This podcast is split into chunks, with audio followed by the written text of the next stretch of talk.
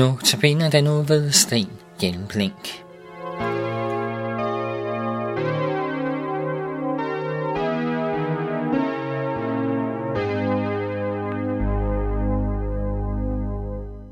Vi hørte i går om, hvordan englen Gabriel kom til Maria og bekendtgjorde, at hun skulle føde Guds søn, Messias, Israels frelser, og at Maria erklærede sig indforstået med at blive mor til dette barn.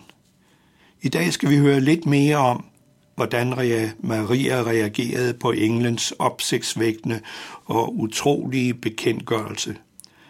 Vi skal først tale om, at Maria tager på besøg hos sin slægtning Elisabeth, og dernæst skal vi høre om Marias kommentar til alt det, som hun har oplevet omkring englens bekendtgørelse. I Lukas evangeliet kapitel 1, vers 39-45, der læser vi om besøget hos Elisabeth. I de dage brød Maria op og skyndte sig til en by i Judæas bjergland. Hun gik ind i Zakarias hus og hilste Elisabeth. Da Elisabeth hørte Marias hilsen, sprang barnet i hendes liv, og hun blev fyldt med heligånden og råbte med høj røst. Velsignet er du blandt kvinder, og velsignet dit livs frugt. Hvordan kan det forundes mig, at min herres mor kommer til mig? For da lyden af din hilsen nåede mine ører, sprang barnet i mig af fryd. Salig er hun, som troede, for det, som er talt til hende af Herren, skal gå i opfyldelse. Da Maria spurgte englen Gabriel om, hvordan det skulle gå til, at hun, der ikke havde været sammen med en mand, skulle føde et drengebarn, svarede englen, at det skulle ske ved, at Helligånden kom over hende ved Guds kraft, fordi intet er umuligt for Gud. Gabriel sagde desuden, at hendes slægtning Elisabeth, der var for gammel til at få børn, skulle føde et drengebarn, fordi intet er umuligt for Gud. Der fik Maria, det fik Maria til at skynde sig hen til Elisabeth for at forhøre sig om sagen. Og ganske rigtigt. Elisabeth var gravid i 6. måned, sådan som englen havde sagt.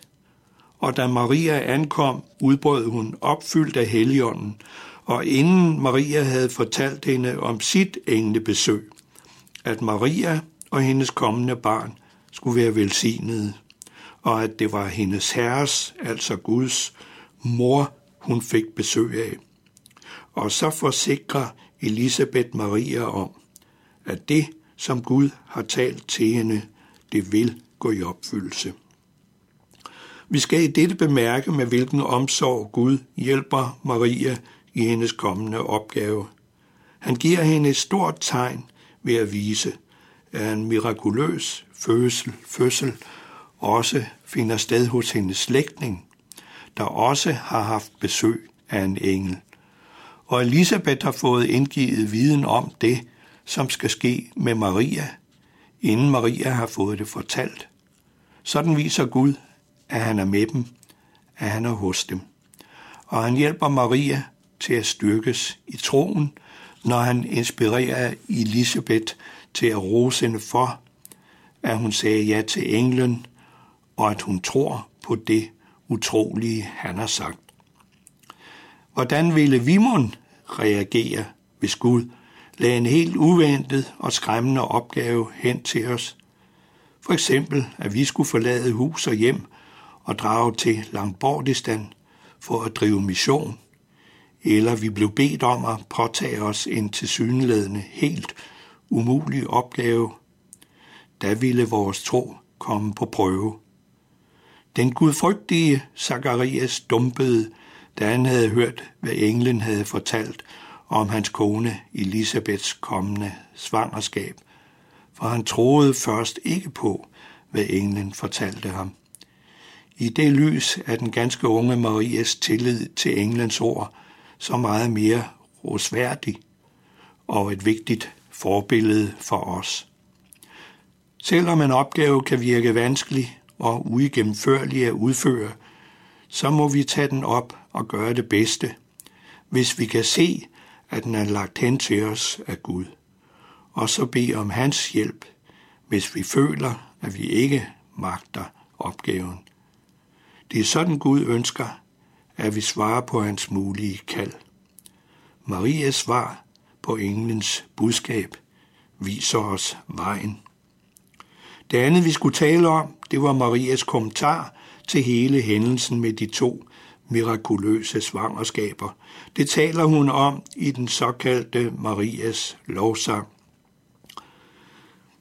Det læser vi om i vers 46 til 56. Da sagde Maria, min sjæl ophøjer Herren, min ånd fryder sig over Gud, min frelser. Han har set til sin ringe inde, for herefter skal alle slægter prise mig salig. Til den mægtige har gjort store ting mod mig. Helligt er hans navn, og hans barmhjertighed mod dem, der frygter ham, varer i slægt efter slægt. Han har øvet vældige gerninger med sin arm, splittet dem, der er hovmodige i deres hjertes tanker. Han har styrtet de mægtige fra tronen, og han har ophøjet de ringe. Sultne har han mættet med gode gaver, og rige har han sendt tomhændet bort. Han har taget sig af sin tjener Israel, og husker på sin barmhjertighed, som han tilsag vores fædre, mod Abraham og hans slægt til evig tid. Maria blev hos hende hen ved tre måneder og vendte sig hjem. Her taler en gudfrygtig jødisk kvinde ud af et hjerte, der er fyldt af taknemmelighed mod Gud. Maria priser Gud for alle hans gode gerninger. Israels Gud er den Gud, der ikke behandler folk efter stand og evne, sådan som det hyppigt sker mennesker imellem. Han bruger ofte mennesker, der står lavt på samfundets rangstige til sine planer. Han er den levende Gud, der viser sin omsorg over for den enkelte. Han har befriet Israel fra brutale fjender og styrtet mægtige fra deres trone. Gennem sin omsorg ophøjer han de ringe og mætter de sultne. Nu viser han sin barmhjertighed og troskab mod sine løfter ved gennem Maria at skænke landet Israel den længe ventede forløser. Marias taknemmelighed omfatter også det, at hun er udvalgt til at være redskab i Guds gerninger. Den, der tror om sig selv, at tjene som et redskab for Gud, genkender hendes glæde ved at vide sig på rette spor i Guds plan. Marias tro og lydighed har til alle tider været et inspirerende forbillede for de kristne. Den lydighed, som den kristne bør udvise, har salmedigteren Brorson på meget smuk måde givet udtryk for i følgende salmevers. Hvor Gud mig fører, går jeg glad. Han, ikke jeg, skal råde. Jeg kalder alle tider, hvad min Gud mig skikker noget.